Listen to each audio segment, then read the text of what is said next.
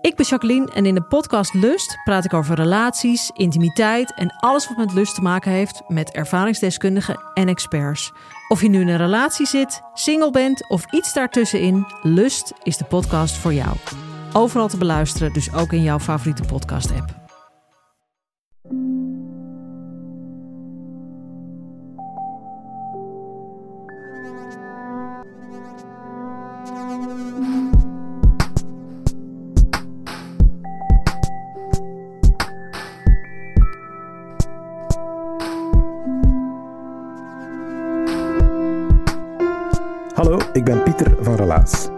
In Relaas hoor je waar gebeurde verhalen en die worden verteld door de mensen die ze zelf hebben meegemaakt.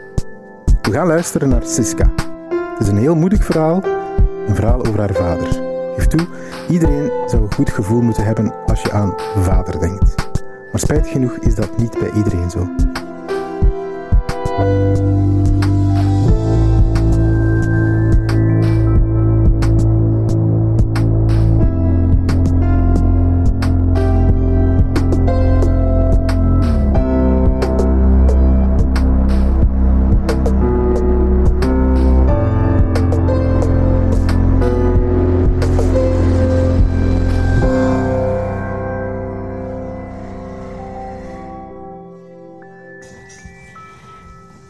Hallo. Ehm, eh, ik begin mijn relaas vijf jaar geleden. Ehm, het is op een eh, eh, vrijdagavond en ik ben aan het werk in een cafeetje in Gent. Ehm, in een eetcafeetje en het, is, het is een drukke avond. en ja, ik, ik hoor dat mijn telefoon al een paar keer afgegaan is terwijl ik aan het werken ben. maar ik kan niet opnemen omdat het druk is. En ja, een uurtje later, twee uurtjes later, zoiets, ga ik toch een keer naar mijn telefoon kijken en ik zie dat mijn ma uh, ja, vijf keer gebeld heeft. Uh, mijn ma belt nooit zomaar, dus ik weet dat het wel redelijk dringend is. Dus ja, ik vind een gaatje toch om toch terug te bellen. En ehm, mijn mama zegt niet veel. Zegt gewoon, um, ja, het is gepasseerd, het is voorbij. wanneer kun jij naar huis komen? Uh, ja, ik kan op dat moment niet direct weg. De laatste trein naar West-Vlaanderen is al vertrokken. Ik heb geen auto. Uh, dus uh, ik beloof van morgens vroeg af te komen. Um, ja, er zijn nog wat bestellingen. Ik probeer dat wat af te werken. Maar ik merk dat, ja, dat mijn focus toch niet, niet meer daar is. En ik bel naar Jos, naar de baas die boven het café woont. En ik vraag of dat hij even naar beneden kan komen, want ik moet iets vertellen. Um, ja, Jos komt naar beneden. Ja, ik vind dat wel raar dat ik dat niet aan de telefoon kan vertellen. Uh, maar ik kom naar beneden en ik zeg, ja, mijn mama heeft gebeld um, ja, om te zeggen dat mijn vader overleden is. Ja, ik zeg, dat werken, dat gaat, dat niet meer lukken. dus ja, ik mag uiteraard ik mag stoppen met werken. En uh, ja, ik pak mijn grief en ik weet niet zo goed waar ik naartoe moet, want ja, ik kan niet naar huis. En uh, ik beslis om te doen wat ik altijd doe na mijn shift. En uh, ik ga naar het cafeetje iets verderop. Uh, en ik stap daar binnen en de cafébaas die kijkt zo raar. Tja, hij zei hier vroeg. Normaal kom ik daar pas toe tegen twee, drie uur s'nachts na mijn shift. Um, en hij ziet toch, ja, tja, tja, er scheelt toch wel iets. Uh, hij zegt, hij geeft mij een pintje en uh, we gaan even naar buiten een sigaretje gaan roken. En ik vertel hem over het telefoontje dat ik juist gekregen heb. Maar ik vertel hem ook erbij van, ja, uh, ik had eigenlijk ook niet zo'n goede band met mijn vader. Uh, ja, vroeger was dat wel wat anders. Alle kinderen uh, kijken op naar uw vader, of ja, de meeste kinderen toch, kijkt op naar uw vader uh, als het zijn verjaardag is. Uh, maakt een kroontje ervoor. je maakt een, een cadeautje in school voor vadertjes dan en zo. en bij ons was dat ook zo. Um, en wij zijn daar foto's van dat wij rond zijn nek hangen en dat uh, dat leuk is. Uh, maar wat dat wij niet wisten, is uh, dat mijn moeder eigenlijk mijn vader moest verplichten om thuis te blijven, zodat wij onze cadeautjes konden afgeven. Dat wisten wij niet. Um, wat dat wij ook niet wisten, is wij mochten superveel gaan slapen bij vriendjes en, en bij, bij neefjes en nichtjes. Superleuk voor ons natuurlijk, dat wij op logement mochten gaan. Um, maar we wisten ook niet dat dat was, omdat mijn mama eigenlijk niet wou dat wij alleen thuis bleven bij mijn vader. Mijn mama was, uh, is nog altijd uh, verpleegster. Um, en altijd s'nachts. Dus zij wou niet dat, ja, dat wij alleen s'nachts thuis bleven bij mijn vader. goed, ja, we waren een klein beetje ouder. wij zijn opgegroeid. op een boerderij. Mijn vader was landbouwer. En wij waren altijd buiten aan het spelen en aan het ravotten. En plots zijn wij op, ja, op de voorraad bierblikjes gestoten van mijn vader. Um, en ja, wij hadden ondertussen ook wel al een link gelegd dat al die ruzie dat er altijd was, dat dat kwam door, door pintjes en doordat mijn vader op, liever op café zat dan thuis te zijn. Dus wij hadden er niet beter op gevonden dan al die blikjes open te trekken, dan een beetje uit te gieten en dan vol te steken met aarde. En dat schoon terug dicht te doen. In de hoop van mijn vader van de drank te, te, houden. Dat is uiteraard niet gelukt. Die poging, eh, dat is eigenlijk altijd maar erger geworden. Tot het moment dat wij, ja, wij begonnen ons eigenlijk echt te schamen dat dat, dat, drankorgel, dat, dat dat mijn vader was. Ehm, dus ja, die was er ook nooit bij op uh, familiefeesten, op vakantie. Uh, kerst gingen we ergens anders vieren, nieuwjaar ook. En de, ja, de weinige momenten dat hij er toch bij was, ja, dat, dat was altijd, dat eindigde altijd in ruzie of dat wij vroeger naar huis moesten of dat iedereen vroeger naar huis vertrok. Dus we hadden eigenlijk gewoon liever dat hij er gewoon niet bij was. Um, en de enigste drie toestanden dat ik mijn vader eigenlijk in gekend heb, was ofwel was hij zat, ofwel had hij een kater, ofwel lag hij te slapen. Dus dat is geen goede basis om, uh, om een band op te bouwen met, met eender wie. Um, ja, als je wat ouder wordt, dan ja, ben je zo wat meer uh, besef te krijgen wat er eigenlijk echt aan de hand is. En uh, uiteindelijk ja, word je daar echt ook zo kwaad van. Van, allee, is de drank nu zoveel belangrijker dan, ja, dan, dan uw gezin eigenlijk? En um, uh, ik kon, ja, de enige interactie dat ik had met mijn vader was eigenlijk uh, ofwel ruzie maken of uh, ja, een gewone conversatie dat dat had ik eigenlijk niet met mijn vader. Dat bestond niet. En ja, ik herinner mij vooral ruzie om het tv-bakje. En ja, dat, waren, ja dat, was, dat was niet gezellig, maar goed, ja, je leert daar zo allemaal mee leven. en, en we wisten ook wel, ja, oké, dit gaat ook niet meer beteren, dus ja, je leert daar gewoon mee leven. Um, en ik kon ook gewoon heel kwaad worden. Um, dus eigenlijk geen mens die mij ooit zo kwaad gekregen heeft, like mijn pa. Um, op een moment ben ik ook zodanig kwaad geworden dat ik gewoon mijn twee teentjes gebroken heb. Mijn twee kleinste teentjes door uh, het ja, pure kwaadheid en een steen te schoppen. En dat was eigenlijk omdat... Um, ja, die ene keer, herinner ik me nog goed, kwamen wij thuis van weekend. Uiteraard zonder mijn vader, dat wij op weekend geweest waren. En uh, wij kwamen thuis en, uh, maar wij vermoeden al even dat mijn vader, uh, als wij niet thuis waren, uh, in onze kamer aan het rondneuzen was en geld pikte van ons. wij gingen regelmatig gaan werken bij de boeren, bij andere boeren. en ik werkte toen ook al in de horeca, dus ja, hij verdient uiteraard in zwart ook wel wat bij. Dus dat was altijd cash. En ik had al geleerd van, van mijn centjes overal tussen mijn boeken te steken. Uh, maar uiteindelijk had mijn mama gezegd van kijk, jullie krijgen een, een, een ijzeren kluisje en kunt daar uw geld in steken. En op een moment zijn wij thuisgekomen uh, van, van op weekend, uh, een keer op weekend te gaan. En wij zagen dat, um, we, waren met, we zijn met drie thuis, ik ben de oudste van de drie. En wij zagen dat alle drie onze kistjes geforceerd waren. En ik ben toen eigenlijk gewoon ongelooflijk kwaad geworden op mijn pa en ik had dat kistje eigenlijk bijna op zijn kop gekwakt. Uh, maar ik heb dat uiteindelijk niet gedaan. Ik heb in de plaats gewoon uh, ja, een stoel een paar meter verder geschot met mijn blote voeten en uiteindelijk twee gebroken teentjes uh, eraan overhouden.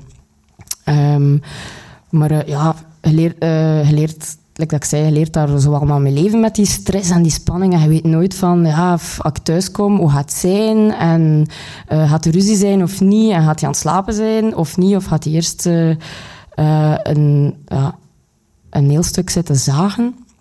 Um, dus uh, ja, dat was, dat was eigenlijk echt niet, niet leuk om thuis te komen. Dus we waren eigenlijk ook superveel weg. Um, en toen kwam het moment dat ik 18 werd en dat ik eindelijk naar Gent mocht. En dat was echt een verademing dat ik op kot kon, dat ik kon doen wat ik wou, zonder commentaar te krijgen op alles. Zonder dat, ja, dat je op alles eigenlijk uh, gekleineerd werd en commentaar kreeg. Je moest ruzie maken over dingen. Uh, want ik herinner me eigenlijk geen enkele normale conversatie met mijn vader. Met niemand niet eigenlijk. Allee, niemand die met mijn vader een normale conversatie kon voeren. met mij ging dat wel.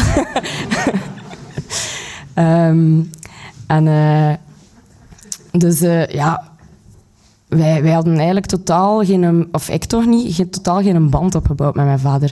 En het was eigenlijk pas toen ik in Gent kwam studeren, dat ik eigenlijk door had um, hoe, ja, hoe gestresseerd dat ik eigenlijk altijd was. Hoe, welke spanning dat er in mij zat en uh, hoe rustig dat ik dan kon zijn als ik gewoon op kot, op kot was dan mijn thuis eigenlijk meer. Um, dus toen pas had ik dat echt door. Ja, ze zei, ja, tuurlijk had je dat door, maar ja, je weet dat zo niet... Ja, hoe, gaat het bij andere gezinnen en zo? Ja, je hebt dat zo niet, niet, niet 100% door. Um, en uh, ja, het jaar erop, uh, mijn zus komt ook op kot. En um, ja, door mijn vader wat minder te zien en in het weekend uh, ja, die, gingen wij ook altijd, waren zoveel mogelijk weg eigenlijk. Dus uh, wij hadden zo wat de kunst van het negeren uh, onder de knie gekregen. Um, dus wij dachten ook van ja, als, wij, als hij aan het zagen is, witte, negeert dat gewoon en uiteindelijk valt hij gewoon in slaap. Um, dus uh, ja, wij deden dat, maar op één avond, ik denk mijn zus, mijn zus en mijn broer waren al, mijn zus en ik waren al op kot en mijn broer was nog, woonde nog thuis.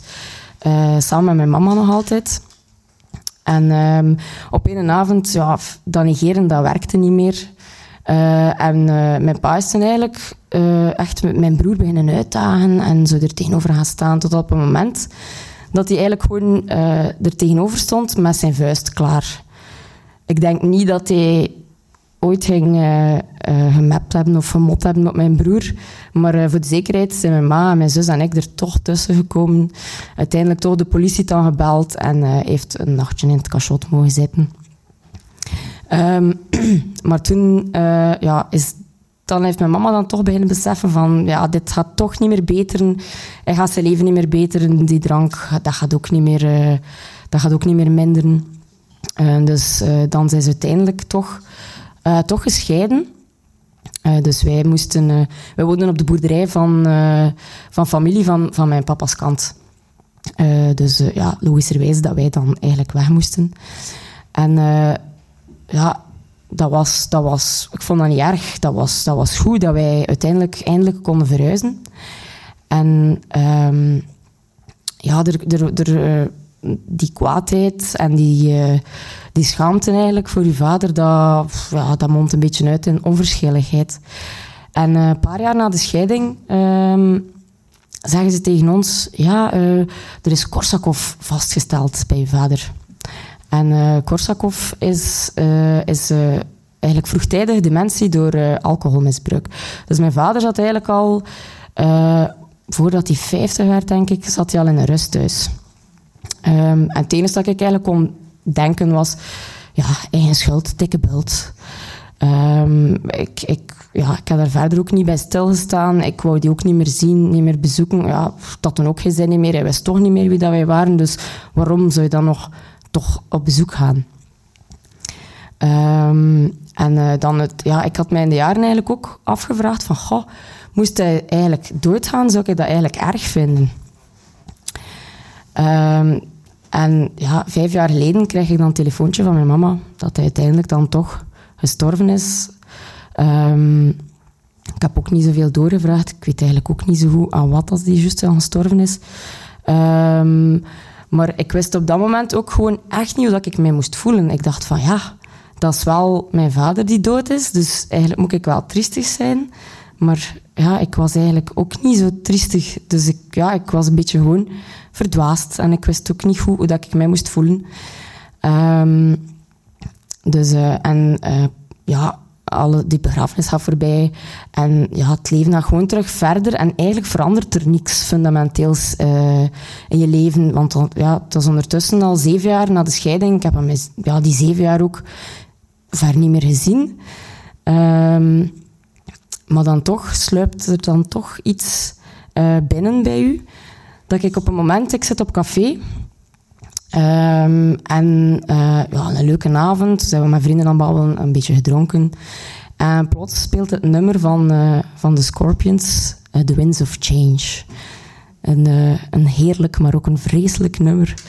Um, en ik zeg tegen ja, de persoon die eigenlijk dichtst bij, toevallig het dichtst bij mij staat, dat ik eigenlijk helemaal niet zo goed ken. Ik zeg tegen hem, um, ja, ze hebben dat nummer gedraaid op de begrafenis van mijn vader. En hij kijkt zo naar mij van, wat zei hij nu? Ja, een ongemakkelijke stilte. Ik besef ook van, oh shit, wat heb ik gezegd? Um, en ik zeg dan, voor de situatie te ontzenuwen, zeg ik, Savas, het is niet zo erg. Waarmee dat ik het eigenlijk nog een beetje erger maak. Um, maar goed, dat nummer is uiteindelijk redelijk snel gedaan, gelukkig. En uh, die avond gaat terug verder. En uh, ja, ik, ik, denk daar eigenlijk niet meer zo, zo over na op die avond. Maar dat gebeurt in de maanden nadien en de jaren nadien toch nog een paar keer. En iedere keer als ik dat nummer hoor, moet ik eruit vloepen tegen gelijk wie dat er naast mij staat. Ze hebben dat nummer gedraaid op de, op de begrafenis van mijn vader. Um, nu, de laatste keer heb, ik dat wel zo kunnen inhouden, omdat ik denk van, ja, dat is toch niet... Ja, om dat zomaar op iemand anders zijn bord te smijten, dat is, dat is niet zo oké. Uh, maar dan ben ik eigenlijk zo beginnen beseffen dat uh, ja, al mijn kwaadheid en, en, uh, en die schaamte en die frustraties, dat dat eigenlijk wel een beetje overgegaan is in een, een soort benieuwdheid, een nieuwsgierigheid naar, ja, maar ja, wie was dat eigenlijk, mijn vader? Um, want vroeger, als ze tegen mij zeiden van, ah, maar hij lijkt echt keihard op je vader, dan dacht ik van, maar dat is niet waar. Ja, dat kon even goed zijn van, hij zei een drankorgel.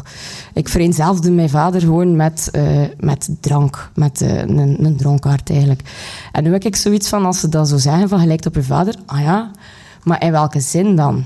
En, en, en hoe dan? En wie was dat eigenlijk? En dat moet ooit toch wel een toffe mens geweest zijn. Want ja, mijn mama is daarmee getrouwd.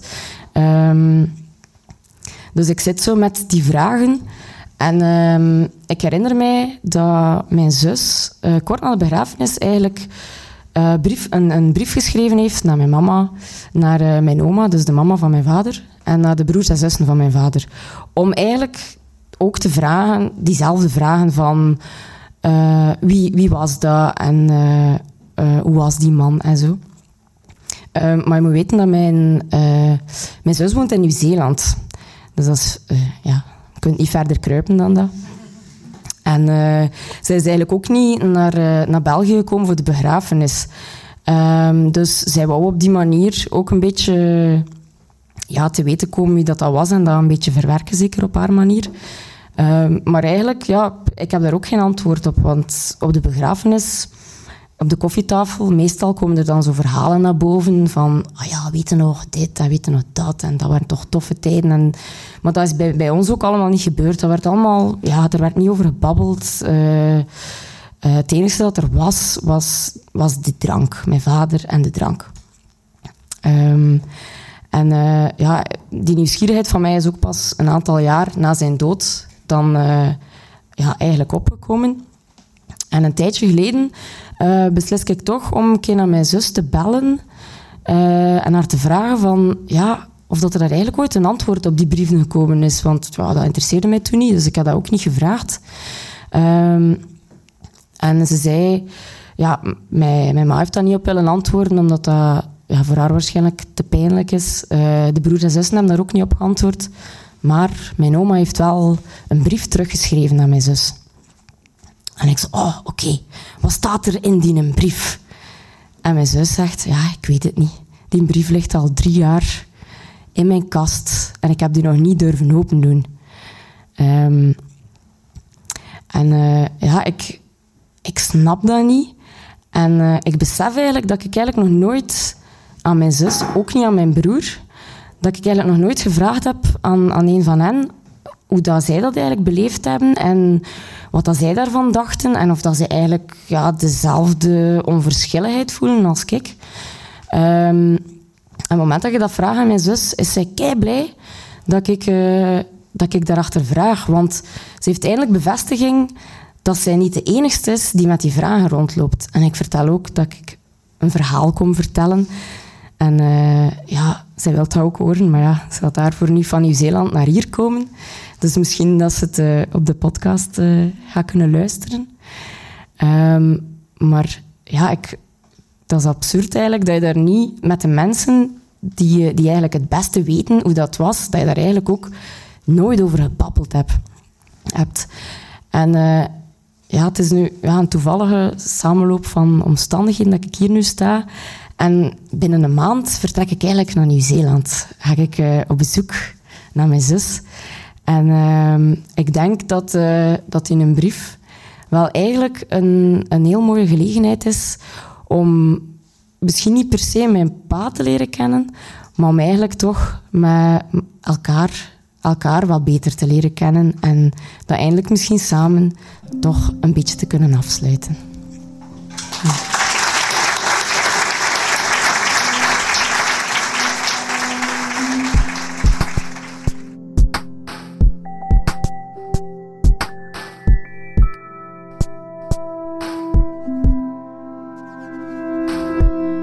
Relaas van Siska. Ze heeft het verteld in Gent, in Husset, in januari van 2020. En op het moment dat dit verhaal verschijnt, staat Siska op het punt om te vertrekken naar Nieuw-Zeeland. Op bezoek bij haar zus, maar vooral voor onbepaalde tijd om daar te verblijven. Siska, wij wensen jou een hele mooie trip toe. Stuur ons af en toe eens een kaartje. Als je aan iemand moest denken toen je dit verhaal hoorde, dan stuur hem dan dit verhaal door. Nieuwe mensen leren zo relaas kennen en zo groeit onze familie en worden wij steeds groter en groter. En misschien hadden die mensen ook al een tijdje niks meer van jou gehoord, dus dat zijn dan twee vliegen in één klap. Relaas komt tot stand dankzij de afdeling cultuur van de stad Gent en van de Vlaamse gemeenschap. Onze partners zijn Chase, Den Hopzak, Huset, Pulp Deluxe en Urgent FM. En van de afdeling cultuur van de stad Gent krijgen wij al vier jaar lang een financiële duw in de rug zodat we tien vertelavonden in Gent kunnen organiseren. Daar zijn we ze zeer dankbaar voor. Dankjewel. En natuurlijk moeten we ook jou bedanken om telkens week na week naar onze verhalen te luisteren. Was dit jouw allereerste, dan hoop ik dat het naar meerdere podcasts smaakt. En als je een trouwe luisteraar bent, spread the relaas love. Leer het aan iemand anders kennen. Uh, je doet er onze pleziertje mee. En ik denk dat het jou ook wel gelukkig zal maken. Want dan kan je er met andere mensen over praten. Dankjewel.